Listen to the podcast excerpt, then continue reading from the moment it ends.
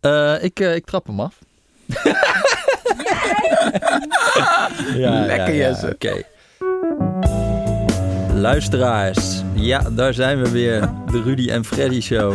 Wat zit je er zalig bij, Rutger? Ja, lekker, hoor. Zeker. Hoe was jouw week?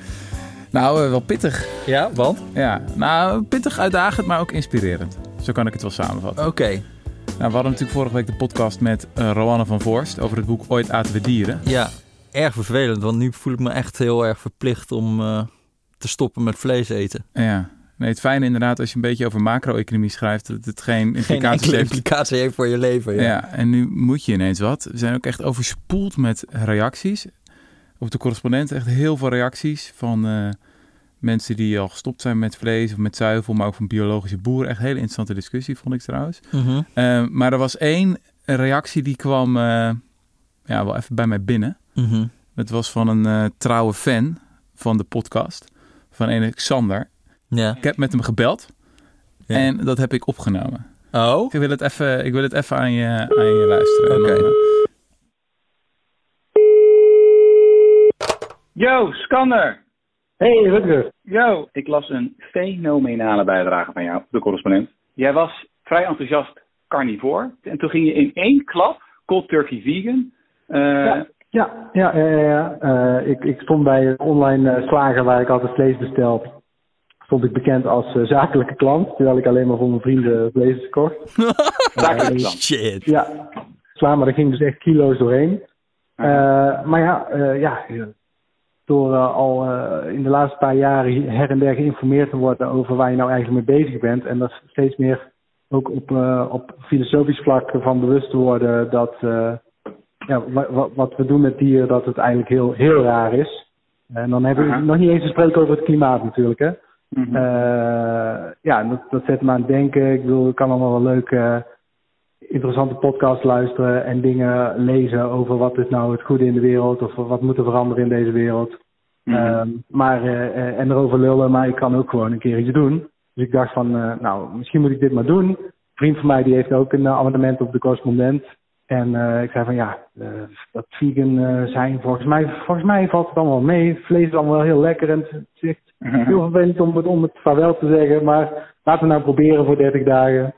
En die vriend van mij die zei eigenlijk vrijwel direct van ja, waarom niet eigenlijk? En dat was ook Ja. een fanatiek vleeseter. En ja, voor het wisten zeiden we tegen elkaar van laat die 30 dagen maar zitten.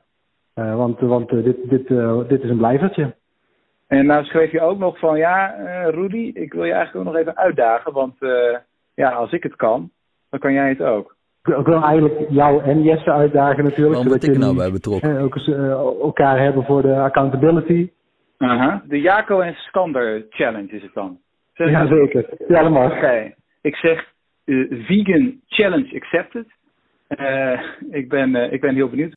Ja, ik kreeg nog wel een mailtje van eh, Xander na, na ons gesprek. Hij wilde er ook nog aan toevoegen dat, dat als we ons aan de challenge houden, dus de officiële Xander en Jaco challenge, die trouwens ook open staat voor luisteraars Oh. van de podcast, om met ons mee te doen, dat als we het een jaar volhouden, hij schreef, als we de challenge minstens een jaar hebben volgehouden, dan hebben jij en Jesse een ambachtelijk vegan feestmaal te goed. Oh, nou. Ah, dat is toch mooi. Ja, nee, dat eh, moet goed te doen zijn. Ja.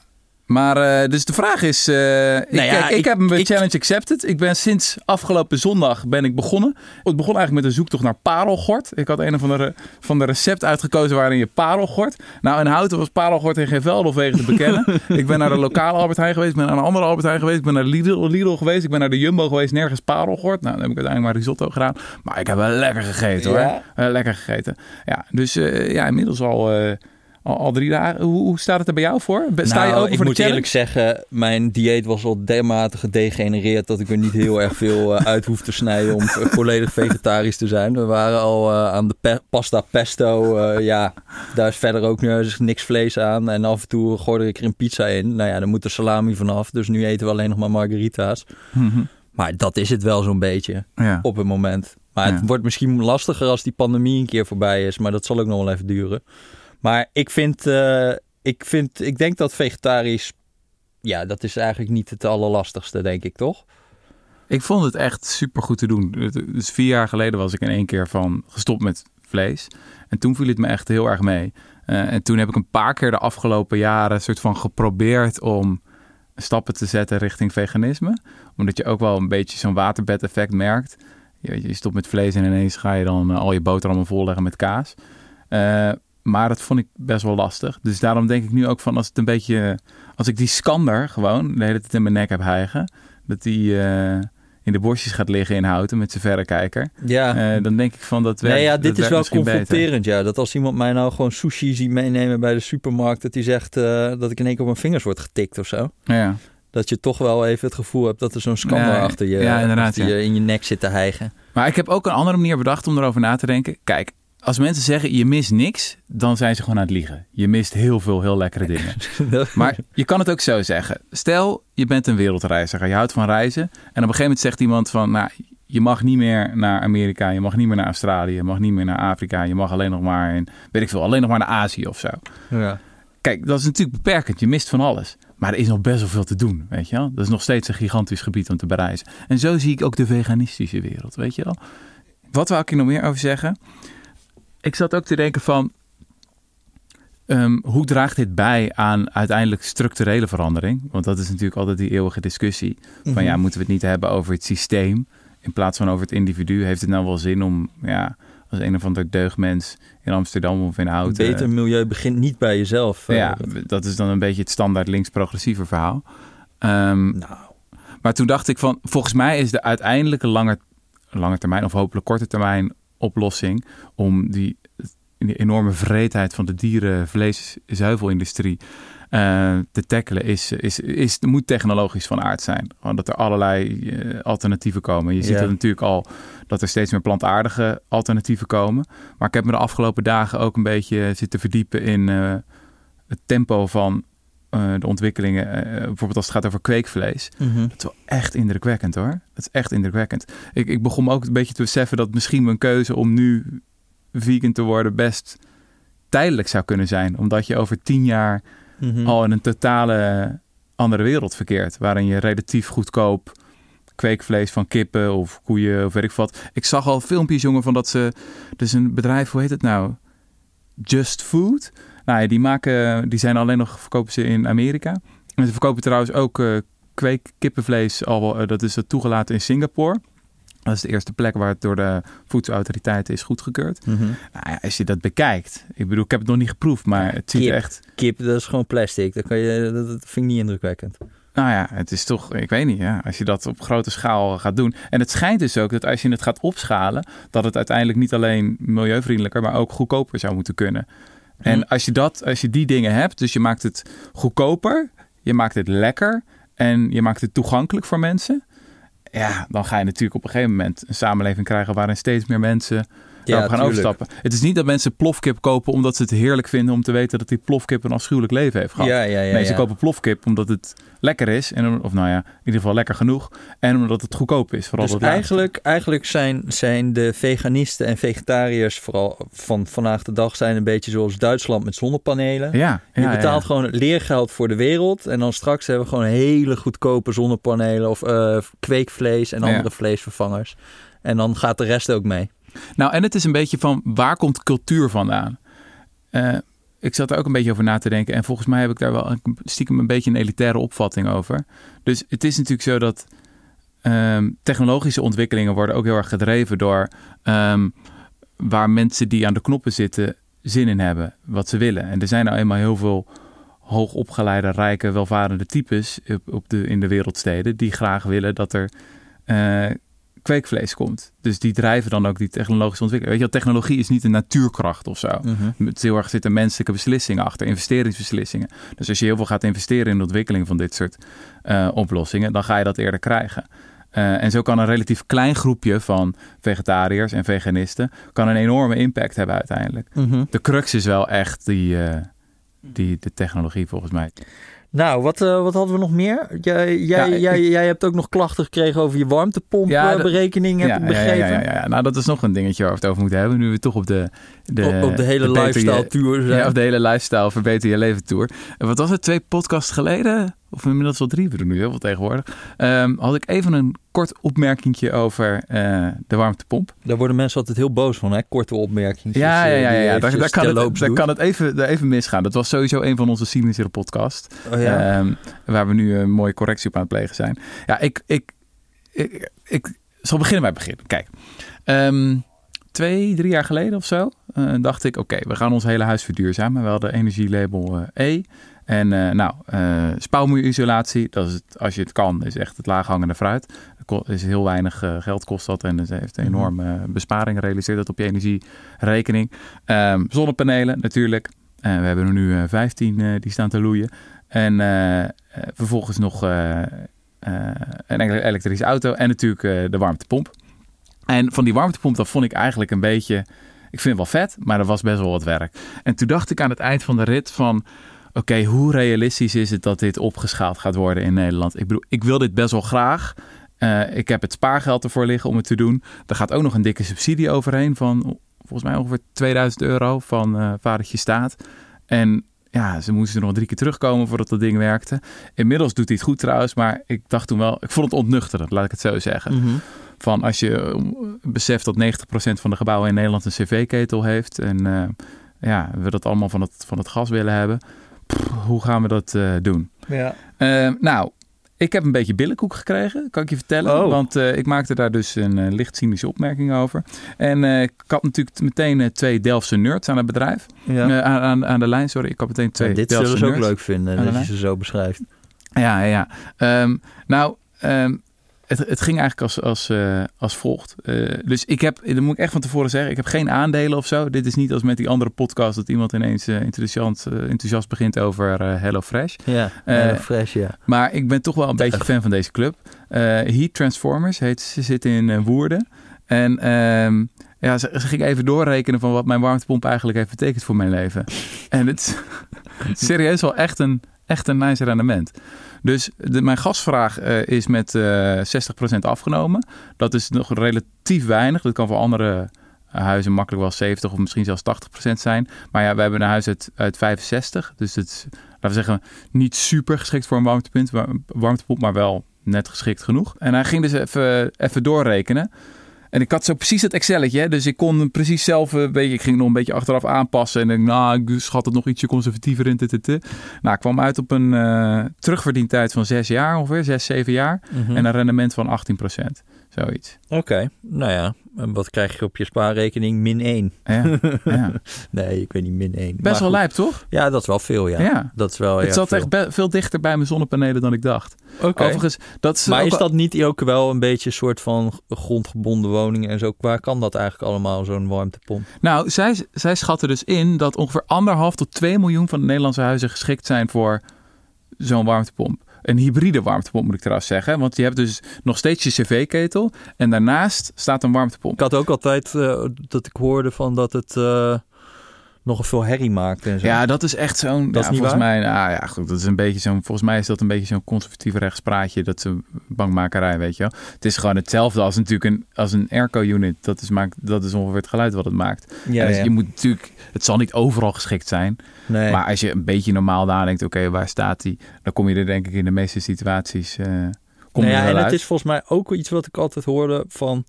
Um, wat je begint te krijgen is van. Je hebt natuurlijk allemaal warmtenetten die je kan gaan aanleggen. Ja. En dat is meer een soort van collectieve oplossing. Dus Ja. bij een hele wijk kan je aan een, aan een soort van. Nou ja, zoals je het ook op het gas wordt Ja. aangesloten, ook op een warmtenet aangesloten worden. Uh, maar dat wordt steeds, die business case wordt alsmaar slechter als iedereen een warmtepomp gaat hebben. Oh ja. Maar dan krijg je dus weer het probleem van de laatste 20% huishoudens of zo. Die dan, ja, als iedereen individuele oplossingen nu gaat zoeken, dan wordt het dus lastig om zo'n collectieve oplossing uit te gaan rollen. Maar dan moet iedereen weer die individuele oplossing. Dus daar zit ook nog een soort ingewikkeld ding. Ja, ja, ja. Snap je ja. het je een beetje?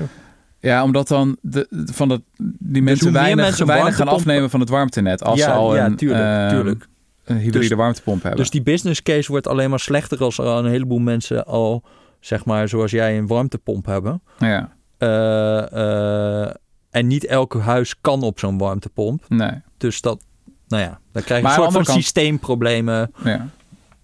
Ik bedoel, er zijn die, die, die case voor die, voor die pomp, die ligt er nu al. Dus voor heel veel, voor heel veel Ja, huizen. ja, ja, ja. wat moet je dan doen? Dan gaan ze zeggen van oké, laat, laat Tom maar Nee, dat- zitten. Dat... lijkt mij een hele logische tussenoplossing. Als je zegt, we hebben haast, we willen zo snel mogelijk CO2-reductie. Je kan voor veel huizen 60, 70 procent van de gasvraag wegnemen. En eh, je bespaart er nog geld mee ook. En als het dan gaat over financiering. Ik bedoel, veel mensen zullen zeggen, ja, ik heb dat geld nu niet liggen om het te doen.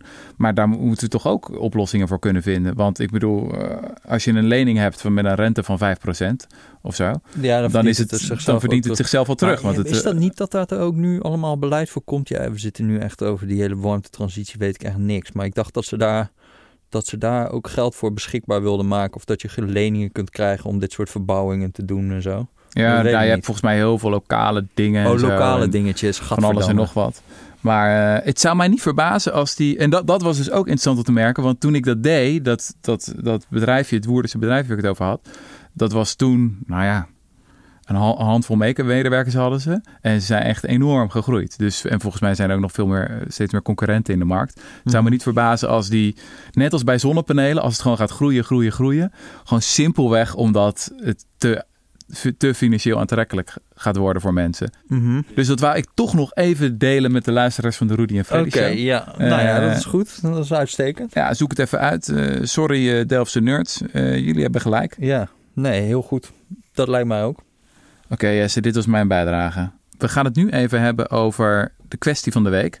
Ja, Ehm, functie elders. functie elders, ja. Ja, Of eh, iemand sprak op Twitter van eh, de Omtsias. ja. Dat Pieter Omtzigt een inmiddels een beetje de Omtsias is geworden. Nou, het werd gisteren wel helemaal mooi. Ja, sorry, ja. gisteren dat, toen, eh, toen, dat hij ook nog eh, zeg maar het COVID-vaccin bijna had eh, geregeld. Ja. En dat, dat, dat we dan nu eigenlijk allemaal al, al eh, een prik hadden gehad. Ja, ik vond de framing van de Volkskrant wel echt mooi. Van eh, Nederland liep levering vaccins mis, ondanks gouden tip Omtzigt. Ja, ja, ja. Ik ja, denk ja. van wow, Ja. het, is, het is wel helemaal eh Ja, nou, want ik dacht ook van, wat gaat er nou gebeuren? Ja. Gaan we hem vrijdag kruisigen en dan eh, gaat hij maandag weer wederop staan ja, of zo? Ja, ja, ja. Maar waar wil je beginnen? Want het- Nou, kijk, ik vind het een beetje.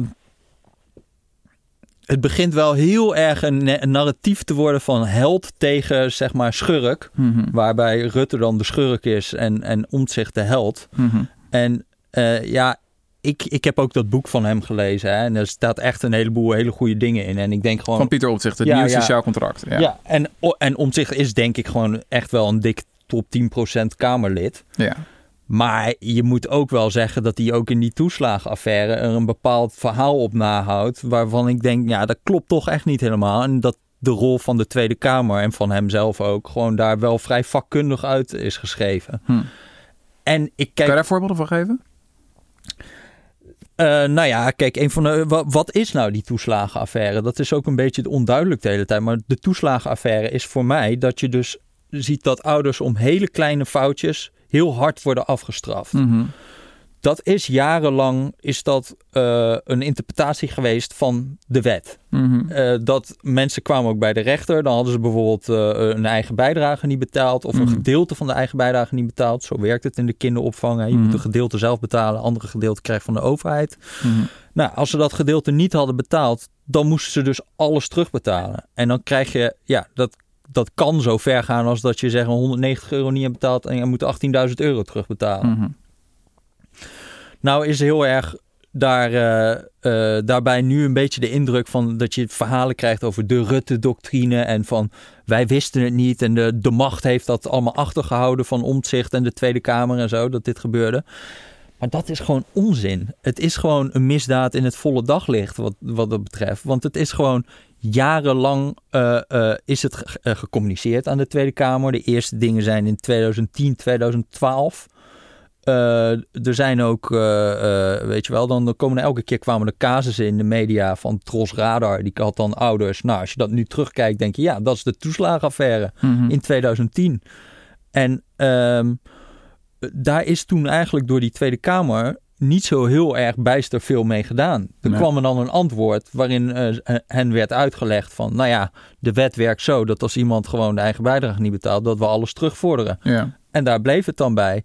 En wat dan opvallend is in dat boek van Omtzigt bijvoorbeeld, is dat hij dan, eh, eh, hij noemt dan een motie uit 2010, Waarin werd gezegd van, nou ja, als een gastouderbureau fraudeert, dan moeten we, eh, willen we eigenlijk dat je het strafrechtelijk onderzoek afwacht voordat je bij ouders gaat terugvorderen. Nou, daar had de hele Tweede Kamer voor gestemd. Dat had verder niet helemaal implicaties voor die hele toeslagenaffaire. En hij noemt nog een motie in zijn boek Waarin, die, waarin er werd opgeroepen door de SP van kunnen we onderzoek doen naar terugvorderingen van Mhm. eh, de Belastingdienst. Nou, die werd, werd een meerderheid tegengestemd, maar de CDA die stemde ook voor die motie. Hm. Hij noemt weer niet een motie waarin letterlijk wordt gezegd kunnen we niet dat terugvorderen van toeslagen beperken tot alleen de eigen bijdrage en niet de Mhm. gehele kinderopvangtoeslag Ja. gaan terug. Eigenlijk de kern van wat het probleem is in die toeslagenaffaire. Daar heeft ook CDA tegen gestemd. Maar die motie verschijnt niet in zijn boek. Hm. Dus, en dat is, in, dat is in 2016. Mhm.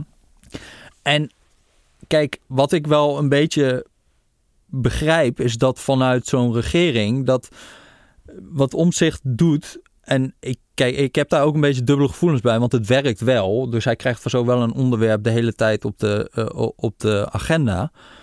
Maar hij laat het de hele tijd voorkomen alsof hij tegen een soort onwillige macht aan het vechten is. Waar- waarbij die macht eigenlijk eh, eh, ja, gewoon niet wil bewegen en hem eh, gewoon informatie achterhoudt en weet ik veel wat. Mhm. Een voorbeeld is dat hij dan de hele tijd zegt van ja, ze wilden niet. ik dacht dat het groter was, die toeslagenaffaire, want dat begon met één casus. Hè? Maar Mhm. ze wilden de hele tijd niet documenten geven waaruit bleek dat het groter was. Ja, als je gewoon gaat teruggaat naar het eerste debat, maart 2019, over die casus, daar zegt Menno Snel letterlijk. Ik wil nog, ik- dat hij een onderzoek laat doen. Ja, Nou, maar hoe snel groot- toen staatssecretaris Ja, toen staatssecretaris. Financiën, dat hij een onderzoek laat doen naar hoe groot dat is. Kijk, dat je dat onderzoek niet wil afwachten en dat je dan al de hele tijd door blijft gaan daarop. Eh, maar ja, het, wat ik een beetje vreemd vind is dat iedereen in de media heel erg meegaat in dat narratief. Terwijl het gewoon niet helemaal waar is, heel Nee. vaak. Heel, en, en ook die Menno Snel, die is juist behoorlijk bezig om, om dat hele probleem veel groter te maken en niet kleiner te maken. Ja. Hij zegt op een gegeven moment in dat debat, in, in, in juni 2019, zegt hij... ja, ik kan geen vrede hebben met de uitkomst van gerechtelijke uitspraken. Kortom, de wet is verkeerd. Mhm. Hè? Dus daarmee trekt hij het eigenlijk in één keer veel breder dan waar het tot dan toe over ging. Over één casus waarin er dingen verkeerd waren gegaan in, hoe, in hoe lang die bezwaren duurden of dat het er snel was stopgezet. Mhm. Daar, daarin zegt hij eigenlijk, ja, er is, dit is niet een kwestie van twee mensen bij de Belastingdienst die verkeerd hebben gehandeld. Nee, we hebben het hier over gewoon iets wat structureel mis is gegaan in de wetgeving al eh, 15 jaar lang. Ja. En daar wil ik nu een oplossing voor gaan zoeken. Dat, en, en daarmee zegt hij, en maakt hij eigenlijk het probleem meteen heel groot. Ja, dat is het tegenovergestelde van wat Omtzigt beweert eigenlijk. Dat Menno Snel wilde de zaak juist groter maken. Ja, ja, Ja. ja. Of, of, of, eh, en, en, en wat opvallend is, is dat zij daar, eh, zeg maar, tot op de dag van vandaag eh, heel erg veel weerstand bieden tegen het idee dat, dat dit toch op, ja, tot een grote hoogte gewoon wel duidelijk was dat dit de interpretatie was van de wet Hmm. al die tijd. Hm. Dus zij, zij willen heel erg nog steeds het bij die belastingdienst neerleggen. Mhm. En dat, dat kijk, ik, dat is ook zo. Zij hebben gewoon extreem harde interpretatie gekozen van die wet in de tijd. En die rechter is daar ook steeds in meegegaan. Maar de Kamer wist dat ook. De Kamer is daar de hele heeft daar jarenlang ook gewoon zitten slapen en niks Ja. gedaan. Ja. En ja, ehm, ja, dus dat is een van de voorbeelden waarvan je denkt... oké, Omtzigt is niet de Omtsias die- waar die, niet- wat we nu van hem maken. Er zijn ook wel meer dossiers, toch? Je hebt eerder over eh, zo'n rol in het elektrische autodossier nou ja, geschreven. Of eh, hij heeft ook wel echt een beetje in guur, guurdere dossiers. Als het eh, Joris Demming de, dossier ging die helemaal los op. Of MA17. Hij duikt wel elke keer op als er een soort van sfeer van... Het gaat bijna een beetje richting complotdenken, toch? Van Hully, de macht, eh, is ons aan het, aan het oplichten, aan het kapot maken. En hij heeft heel vaak natuurlijk echt beet. Eh, Mhm. Hij heeft heel vaak een heel goed punt. Wat, ik, wat je zei, hij zit echt wel in de top 10% van goede Kamerleden. Maar soms denk ik ook wel eens dat het neigt naar populisme voor hoger opgeleiden. Of eh, waar we het eerder over hadden, een soort van onderzoekspopulisme. Nou ja, wat, wat, wat, ik, wat ik wel. eh, wat je heel erg merkt in media is dat Tweede Kamerleden manoeuvreren zich altijd in de rol van aanklager. ja. En die zijn altijd boos op de regering. Mhm. Maar dat is natuurlijk een beetje. En, en, en ja, daar gaan we wel heel makkelijk in mee. Want zij, zij hebben natuurlijk zelf ook macht. Mhm. Hè, het is niet zo dat de macht, dat is de regering. De Tweede Kamer heeft ook zelfstandige macht. En ik, ik, ik bedoel, als je zo'n toeslagenaffaire ziet, dan zijn zij vaak wel de, de muziek waar iedereen op danst. Wat er in zo'n Tweede Kamer allemaal gebeurt. Ja. Ze zetten heel erg de toon van het hele debat. Mhm. De macht controleren wordt dan inderdaad heel erg eh, bij, bij ontzicht vaak zoiets van... ja, er worden stukken achtergehouden, er zijn dingen geheim. En dat dat, dat eigenlijk eh, de kern van het probleem is. Mhm. Terwijl, ja, in mijn beleving is het juist vaak zo... dat het wel vrij duidelijk is wat het probleem is. Mhm. Dat je dat ook gewoon in openbare stukken kan doen. Het is niet een tekort van, aan informatie. Het is gewoon dat die informatie niet tot je, me- je wordt genomen. Dat mensen het niet tot zich nemen Mhm. dat het er gewoon wel op zich was. En dat we het hadden kunnen weten. En dat maakt het dus ook een beetje ingewikkeld als je komt op oplossingen eh, bij hem. Kijk, er staan heel veel goede dingen in dat boek. Hè. Daar kom ik zo, zal ik straks ook nog wel wat over zeggen. Maar er zit heel erg veel in van. Ja, informatie moet gewoon worden gegeven en bla bla bla. Een beetje van het moet niet zo worden achtergehouden, tegenmacht, bla bla bla Mhm. in mijn beleving is er gewoon heel vaak eh, is informatie er, maar wordt die gewoon niet gelezen. Dus dan zie je dus ook met zo'n elektrische autodossier is heel typisch dat je jarenlang kijk dat ging over elektrische autosubsidies. Hè? Mhm. Dus er werden dan subsidies gegeven voor eh, eh, als jij een zakelijke rijder was. Kon je heel goedkoop zo'n eh, zo'n hybride auto gaan krijgen. En Ja. Dan kon je allemaal aftrekposten en bla bla bla. Nou, dat bleek heel vaak uit evaluaties van ja, niet bijzonder effectief. Bijvoorbeeld, je had dan de, de, de Mitsubishi Outlander, was een, een goed De Foutlander. de Foutlander werd Ja. die ook wel genoemd, ja.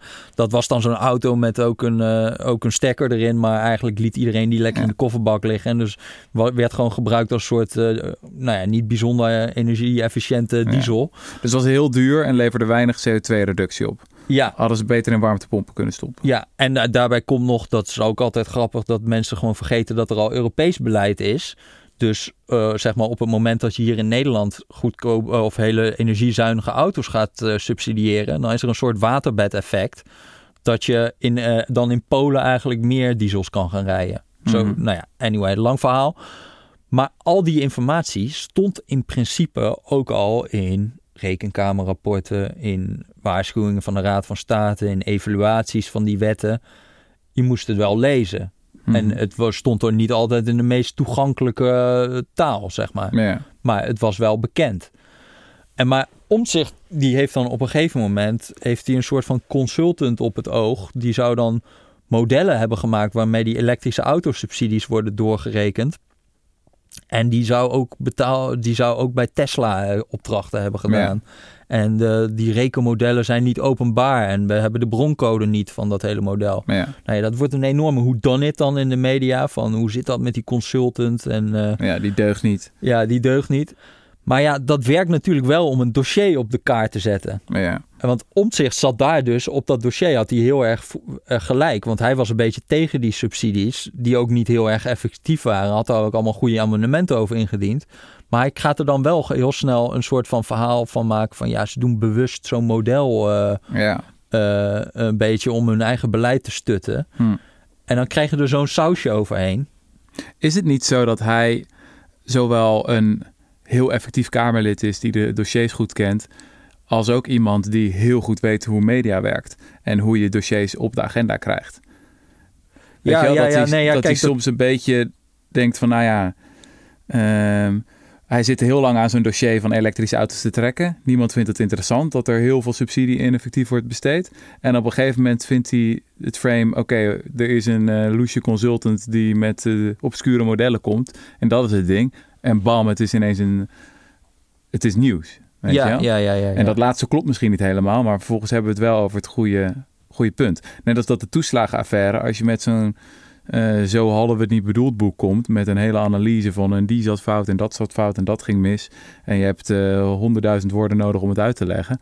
Ja, dat is niet eh opening NOS Journaal. Terwijl Nee. als je zegt, de Belastingdienst lakte dossier zwart, weet je wel, fout. Ze geven stukken niet vrij. Boom, dan krijg je wel dat dossier op de agenda. ja. Dus dat vind ik soms wel ir- ironisch. Dat je zou kunnen betogen dat, laten we zeggen, de manier waarop jij wil dat er journalistiek wordt bedreven, dat dat intellectueel zuiverder is of zo. Terwijl je zou kunnen zeggen dat, dat Pieter Omtzigt daar al voorbij is. Dat hij al lang snapt wat Jesse Frederik ook snapt. Alleen dat hij vervolgens ook iets wil veranderen en bereid is daar zijn handen vuil bij te maken. En dat hij dus een beetje... Hij heeft ook echt zo'n groepje toch van journalisten waar hij dan vast mee samenwerkt. Het is ook elke keer dezelfde namen die dan opduiken. Zo'n Pieter Klein, die zat ook in het elektrische autodossiers. Die duikt dan ook op in de toeslagenaffaire. Ja, het zijn wel mensen die effect sorteren. Ja, Ik bedoel, jij hebt geschreven over ehm, eh, onverzekerde auto's. Allemaal mooie analyses, maar dat deed niks. Toch? nee. En Nee, deze ja, mensen dat, hebben, nee, het goed, wel- maar dat, hebben wel eh, het, uiteindelijk eh, veel meer effect gesorteerd. Ja, klopt. Nee, dus dat is ook het hele dubbele. En eh, ehm, aan de andere kant, kijk, ik ben wel een beetje bang dat die manier van opereren, dat het ook dingen kapot maakt. Ja, Dat, je dat, dat, dat er een heel erg soort, dat wantrouwende sausje over dat er bij de overheid eigenlijk allemaal een soort van sadisten rondlopen die het leuk vinden om mensen kapot te maken of om Mhm. stukken achter te houden en om weet ik veel.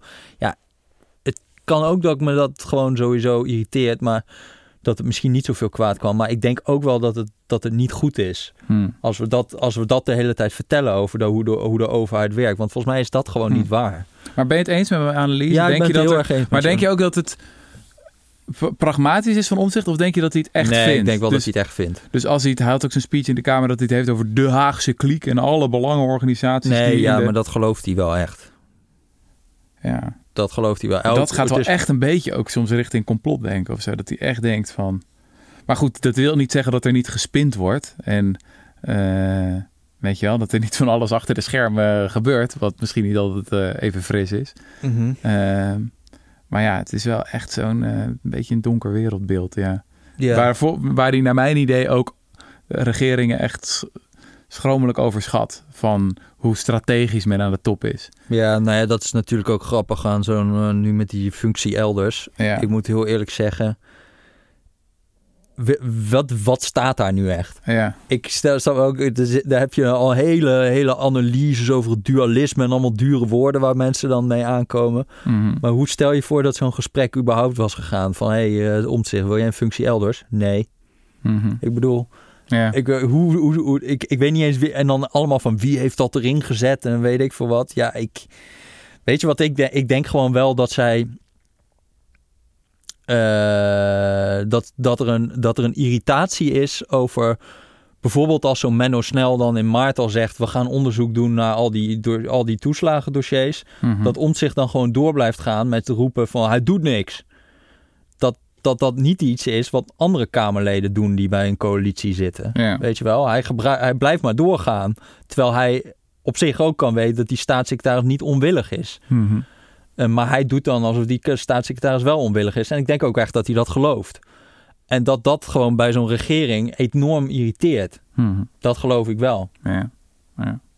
Ik ben wel met je eens dat waar je op de lange termijn voor vreest, is dat deze stijl van politiek eh, op een gegeven moment iets kapot maakt. Dat het zo de sfeer is van eh, hoe meer onderzoek je doet, hoe groter je wantrouwen wordt.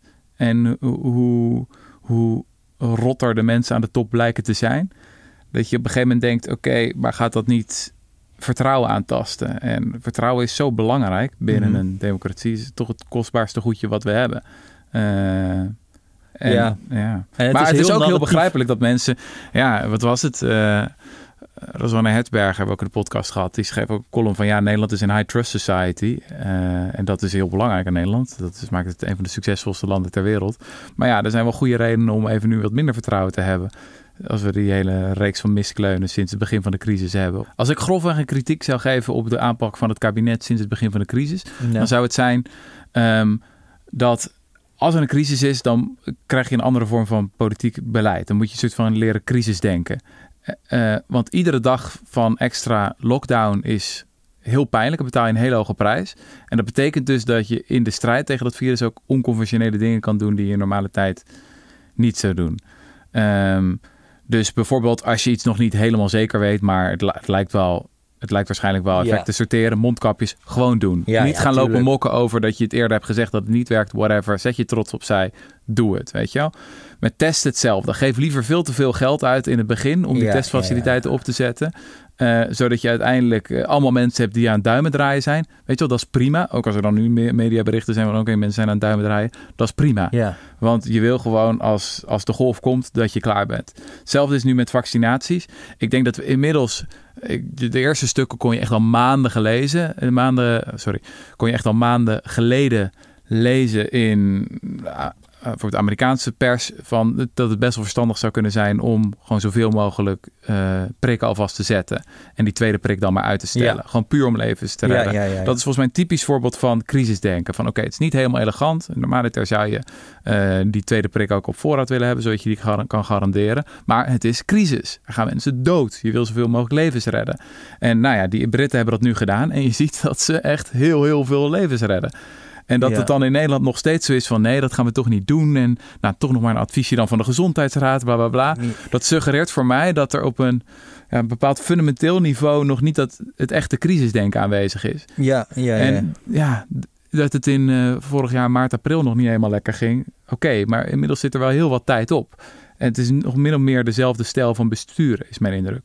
Dus dat zou grofweg mijn, ja, eh, maar, mijn maar dat zijn. bijvoorbeeld met die tweede prik ben ik, over, ben ik over eens. Hè. Ik denk dat er sowieso veel meer een soort van risico gestuurd... Er is heel veel in medische wereld dat het heel binair wordt. De Ja. risicoafweging van iets wordt wel toegelaten of niet toegelaten. Ja, Eh, ehm, als je een bepaalde grens over bent. Terwijl je hier nu juist in zo'n crisis, omdat de kosten ook zo gigantisch zijn van elke Ja. dag dat je vastzit, dat je wat veel meer risico mag nemen, denk ik.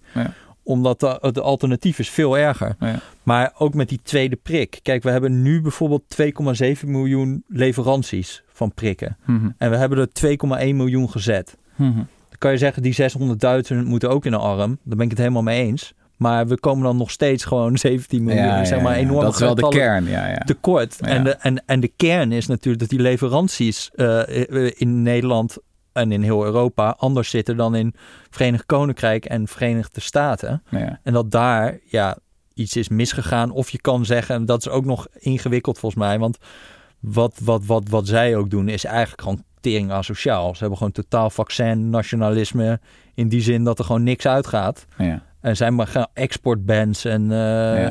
eh, Boris Johnson zei ook van, we hebben het dankzij onze hebzucht, greed. Weet je? Ja, ja, nou ja, dat, dat, is, dat, dat, dat, dat geloof ik graag dat zij daar toch wel iets meer over lijken zijn, eh, zijn Ja. gegaan. En dat is natuurlijk echt, eh, ja, kan je zeggen, naïef van Europa of zo. Dat geloof ik ook trouwens wel hoor. Ik denk, maar ja, er wordt wel ook te, te, te, heel veel op heel beperkte informatie worden hele dramatische conclusies getrokken over de ineffectiviteit van alles. Ja, Waarbij ik me ook ja, een ja, beetje afvraag, doe even ook nu weer dat nieuws over, nou, daar hebben we hem weer, omzicht. Die, eh, dat eh, COVID-vaccin, eh, of dat hij dan, een, een, hij had dan een meeting. Hij had dan een meeting op 28 april met Rutte over, er is een fabriek in Nederland en die kan vaccins maken. Ja. En die zochten geld om op te schalen. En hij had via via gehoord dat hij dat geld zochten. En eh, ja, die maken nu dat AstraZeneca-Oxford-vaccin. en die exporteren waarschijnlijk al die eh, dingen. Dus die komen helemaal niet in Nederland terecht. Mhm. Nou, die, die omzicht heeft dan een meeting met Rutte. En dan zegt Rutte, nou, in principe staan we daarvoor open. We moeten even VWS doen. Dus dat moet Hugo de Jonge gaan doen. Die maken een afspraak met die fabriek. Die zeggen, nou, interessant. Kom maar met een voorstel. En vervolgens komt er geen voorstel. En komt daar helemaal niks van. Eh, en dan is nu een klein beetje de conclusie in de pers al van... Ja, eh Omtzigt heeft Rutte gewaarschuwd. Ja. Nou, dat vind ik sowieso al wonderlijk wat Rutte daarmee te maken heeft. Want het gaat naar VWS. Ja. En als we dat wel hadden gedaan, hadden we een heleboel vaccins gehad. Nou, daar worden een heleboel stappen worden overgeslagen Ja, ja, ja, voordat duidelijk is. Maar het frame is inmiddels te heerlijk. Ja, De Volkskrant had ook, da- ondanks gouden tip van omzicht, weet je wel, liep Nederland heel veel vaccins mis. ja, Ja, en dat, dat stuk kwam ook op meerdere plekken in de media tegelijkertijd. Dan ja. denk ik van, ja, het kabinet is altijd aan het spinnen, maar nee, de, team omzicht eh, helemaal niet hoor. Nee. Dat komt zo uit het niets. Komt dat op allerlei plekken in, in ja, de ja, pers. Ja. Nou ja, en daarbij kan ik me ook weer vo- vo- voorstellen dat zo'n Hugo de Jonge, die zag ik een beetje geïrriteerd reageren. Ook over één, de veronderstelling dat dit vaccins had opgeleverd. En twee, alsof er, zij onwillig waren om daarin te investeren. Dan zei hij van, dat was helemaal niet zo. Ze kwamen gewoon, ze hadden al een deal met de Britse overheid waarschijnlijk. Of met, Mhm. tegen die tijd was het al een gepasseerd station, zeg Ja. maar. Ja, Want wij wilden best investeren, maar ze kwamen niet... eh, ja, er moet wel iets op papier komen, neem ik aan. ja. Eh, anyway, Mooi gezegd. nee. Ehm, heb je nog wat te promoten? Eh, heb ik nog wat te promoten? Ja, eh, ik ga namelijk in debat eh, op 7 april, dat is volgende week woensdag, eh, bij Nieuwsport over incidentenpolitiek en de rol van de media. Wat kunnen we leren van de toeslagenaffaire? En eh, ik ga daarover praten met eh, Helma Lodders, oud-Kamerlid van de VVD. Femke Merel van Koten Arissen, oud-Kamerlid van ehm, diverse partijen. En eh, Yvonne Hofs van de Volkskrant, journaliste.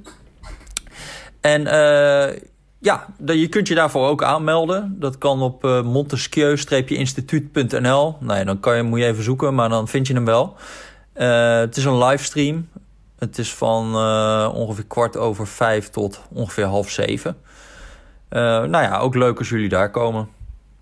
Yo. Ja. En ja, het zou ook leuk zijn als eh, mensen lid worden van de correspondent. Dat zou Ja, inderdaad. Ja, ja, ja, ja, ja, ja. Nou, het is wel echt leuk. Wat, wat ik zei. Dus vorige keer echt super veel reacties op de correspondent. Ja. Ehm, ja, wij zijn ook weer eh, van de partij eh, deze keer. We zijn benieuwd wat onze trouwe luisteraars en leden vinden van warmtepompen. Mhm. Of ze meedoen aan de Xander en X- Skander en Jaco Challenge. Mhm. Eh, ja, en eh, of ze nog opinies hebben over het vaccinatiebeleid. Vinden we ook altijd mooi. ja. Nou, tabé jongens. Toedeledokies.